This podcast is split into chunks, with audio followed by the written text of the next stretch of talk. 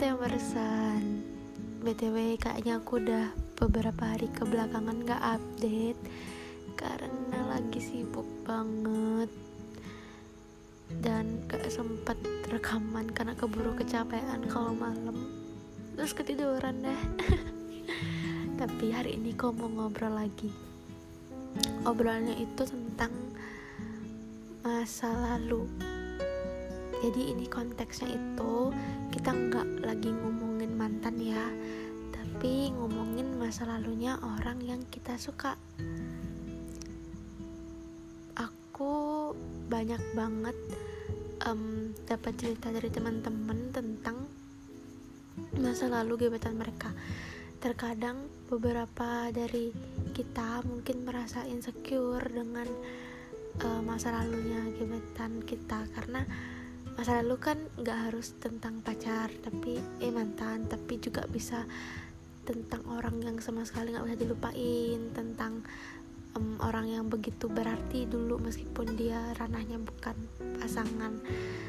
Orang yang selalu ada gebetan yang nggak jadi kayak gitu. Jadi um, apa yang ada di diri orang di masa lalunya orang yang kita suka sekarang oke biar gampang sebut aja gebetan sekarang.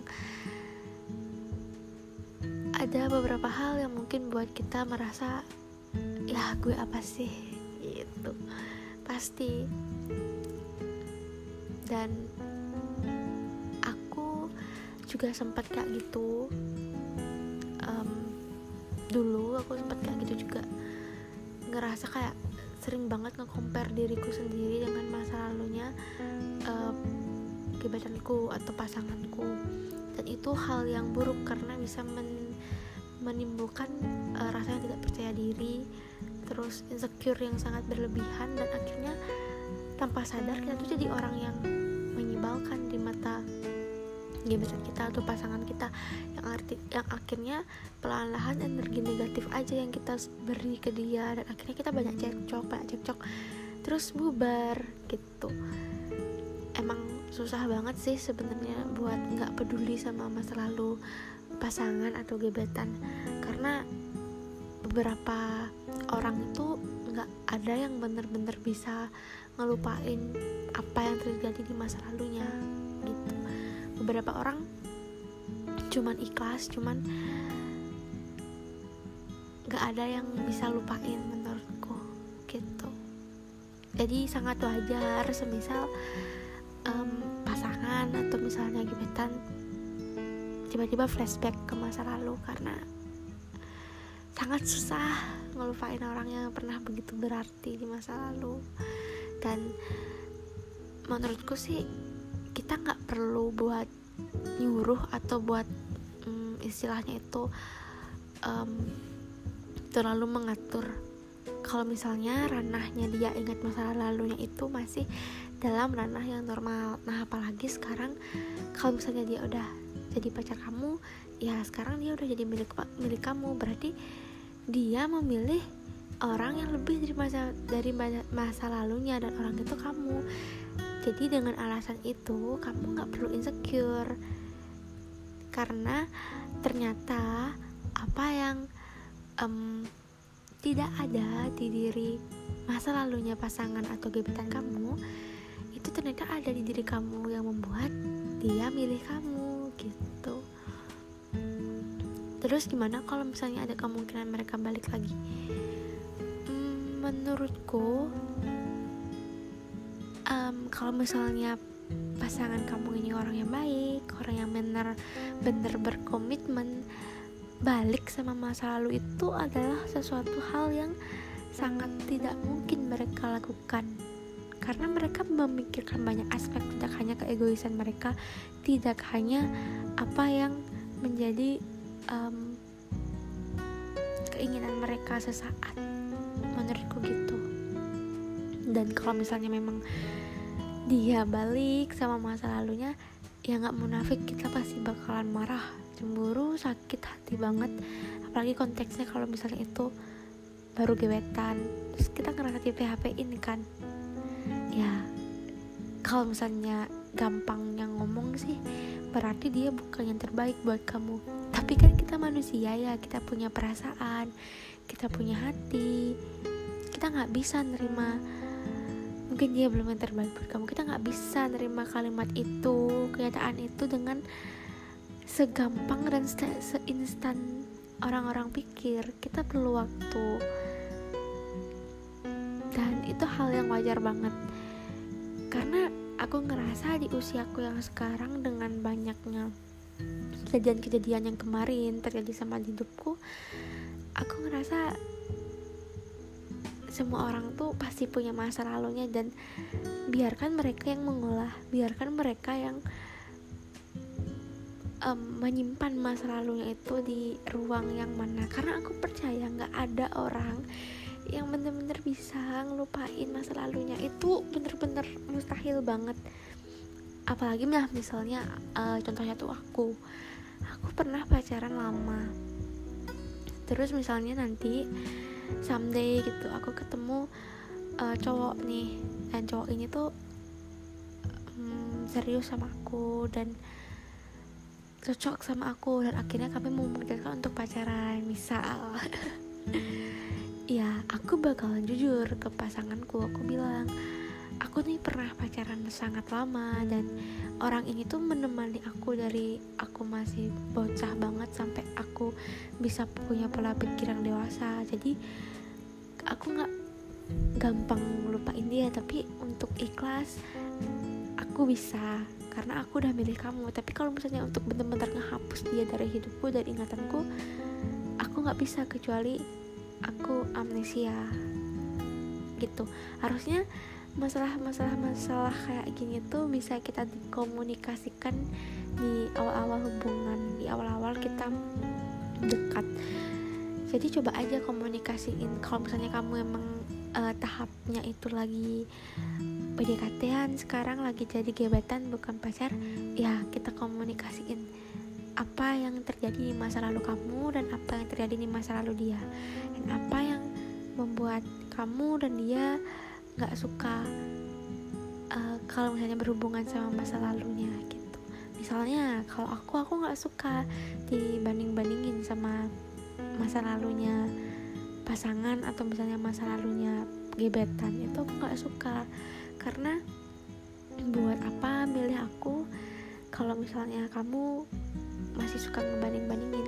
Dan aku pun karena aku perempuan aku nggak suka kalau misalnya pasangan atau gebetanku ngejelek-jelekin masa lalunya. Karena hey lu mikir dong dia tuh pernah ada begitu dalam di hidup lo masa lu campak eh masa, masa lu campakin bukan campakin sih masa lu jelek-jelekin sekarang pas lu masih nggak bareng kan itu jahat banget. Jadi aku sangat ingin uh, sebuah obrolan masa lalu yang netral. Jadi benar-benar kita lepas aja ngobrol nih apa yang terjadi udah bilang aja tanpa adanya perasaan lagi terhadap orang-orang di masa itu. Dan apabila kamu sudah di tahap pacaran dan uh, pacar kamu misalnya sering membahas masa lalu ya kamu komunikasikan kenapa yang kamu nggak suka dia bahas masa lalu. Padahal ini kan kita udah bersama udah jadi pacaran ya jangan dong bahas masa lalu kayak gitu. Dan kamu juga jangan compare diri kamu sama pasangan kamu. Misal aku lo nggak pernah banding bandingin kamu sama mantan aku. Atau misal mantan aku lo bisa gini kok kamu nggak bisa gini? Ya banyak lah. Atau aku lo nggak pernah nyeritain mantanku. Aku lo nggak pernah eh, banyak banget lah pokoknya yang kayak gitu modelannya itu jangan karena itu menimbulkan konflik baru akhirnya. Pacar kamu jadi ngerasa kok lu jadi ngetinggiin diri lu sendiri? Kan kalau orang pacaran itu jatuhnya setara ya kamu sama dia sama gitu. Jadi nggak boleh kayak gitu. Pokoknya kalau misalnya ada sesuatu yang mengganjal di hati ada yang ngerasa nggak nyaman gitu komunikasikan aja. Asalkan lebih baik kalian komunikasinya itu secara langsung. Karena kalau misalnya kalian lewat HP maksudnya chat itu susah banget ya paling-paling enggak lewat telepon lah biar kalian tahu nada bicaranya biar gampang juga menerima apa yang menjadi responnya dia. Soal masa lalu menurutku itu sangat bisa dan sangat mungkin dibicarakan secara baik-baik. Jangan dulu mengintimidasi jangan dulu stalking yang nggak benar tentang masa lalu pasangan ataupun gebetan kamu. Coba lihat dari banyak sisi emang susah emang susah. Gampang banget ngomong kayak gini tapi susah banget dilakuin. Of course. Tapi kalau misalnya kamu mau jadi orang yang baik dan punya pasangan yang lebih baik daripada masa lalu kamu ya why not kan? Coba deh pikir-pikir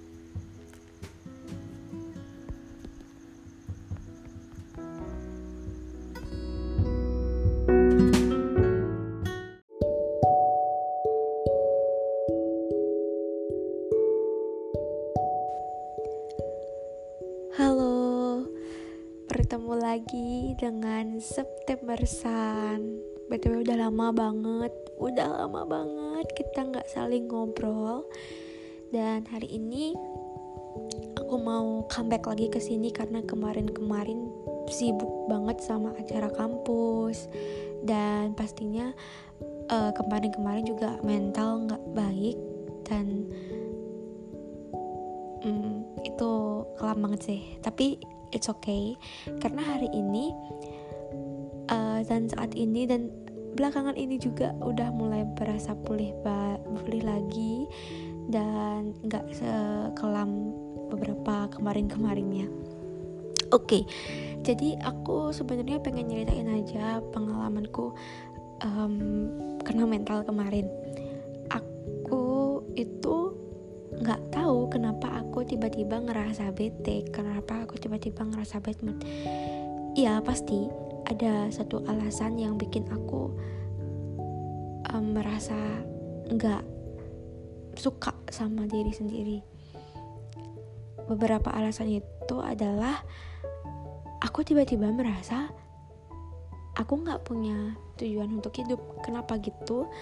Karena kayak teman-temanku gitu udah menemukan apa yang mereka suka apa yang bakalan jadi plan mereka setelah lulus dan apa yang bakalan mereka kerjain nanti gitu loh setelah lulus.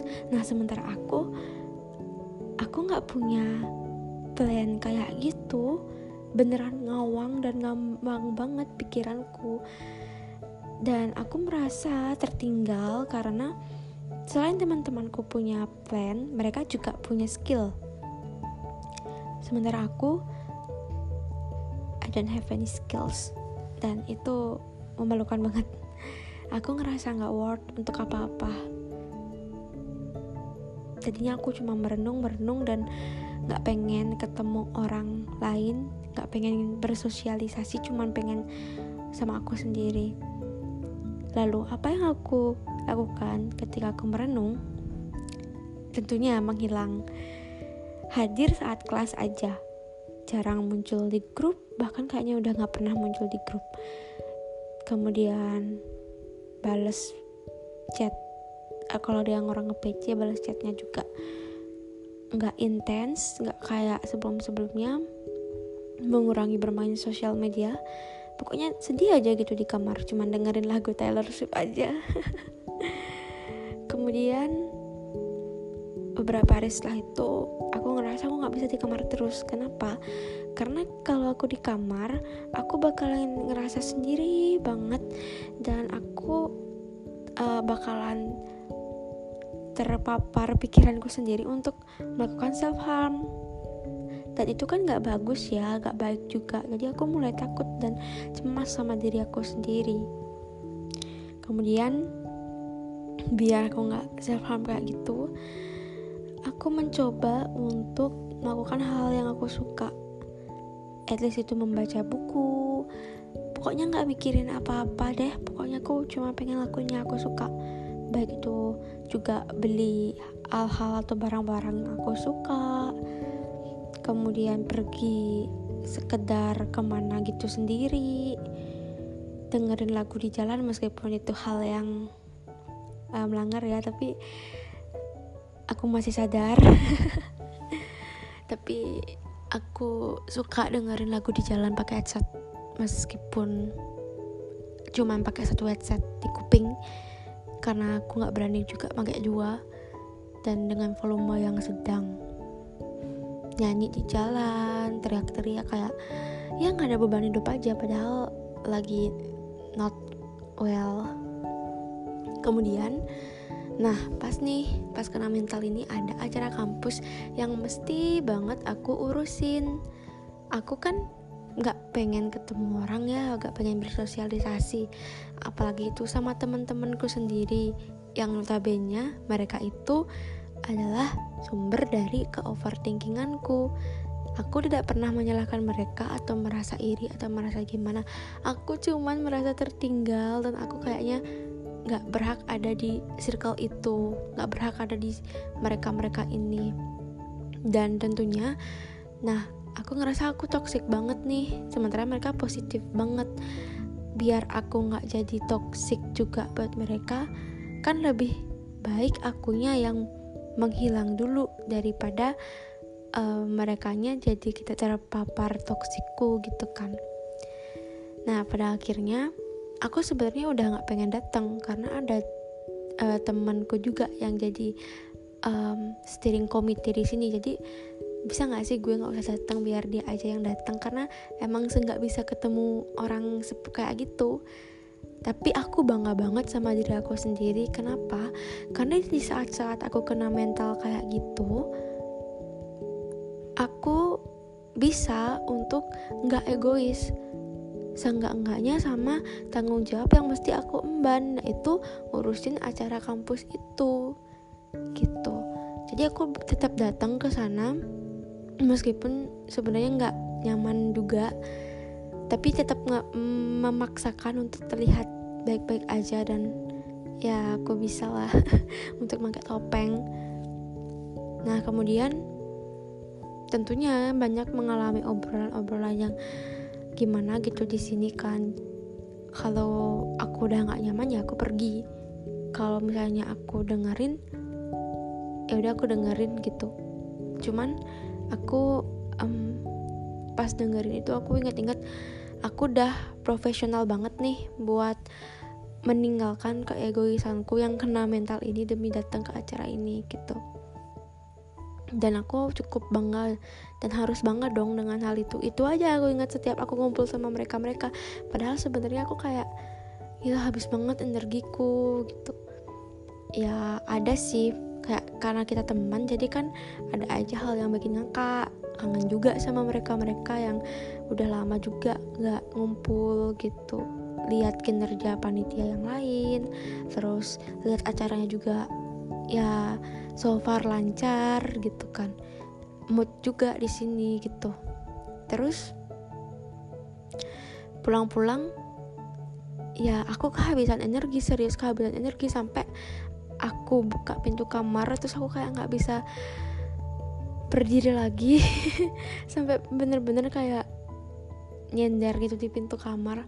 Gila capek banget capek banget capek banget gitu. Kayak energi itu ku udah habis banget buat ketemu orang-orang ini seharian. Dan aku memutuskan untuk langsung tidur. Karena emang gila beneran terkuras itu energiku nggak bohong.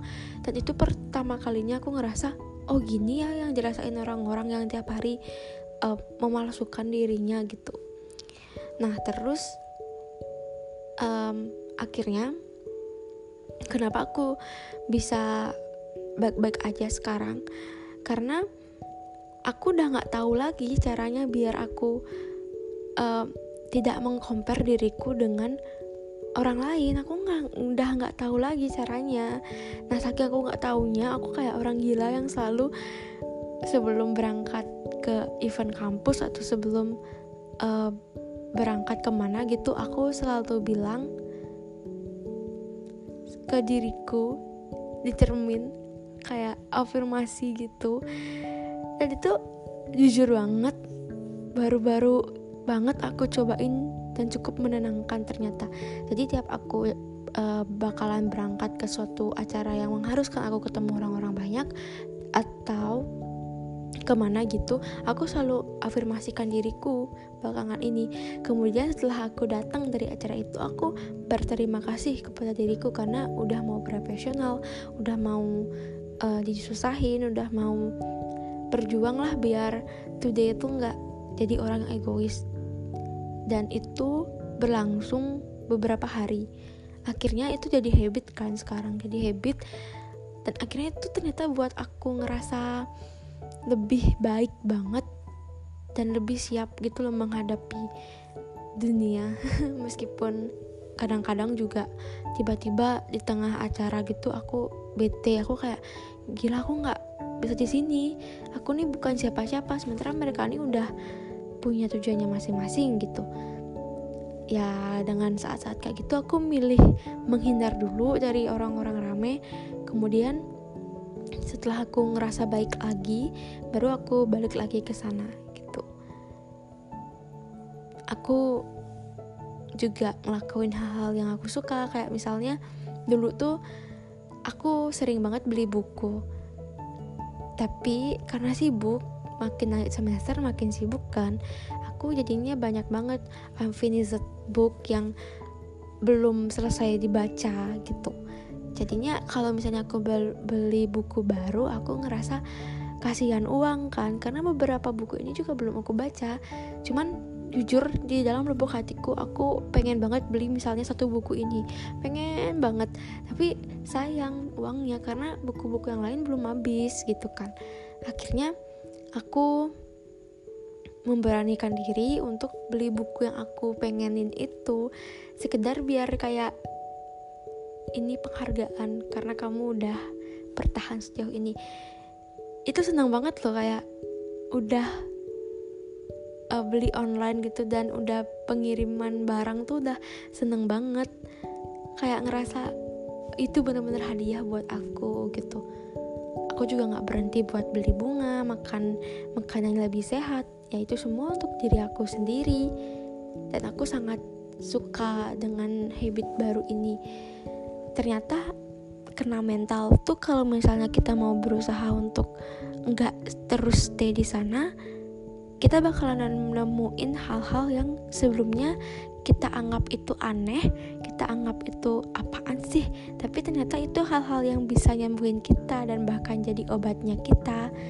Jadi buat kalian-kalian yang lagi kena mental, coba deh tengok ke belakang apa hal-hal yang menurut kalian aneh, tapi itu bisa kalian lakukan dan bahkan jadi obat untuk kalian. Cobain aja. Itu bakalan nyenengin banget sumpah.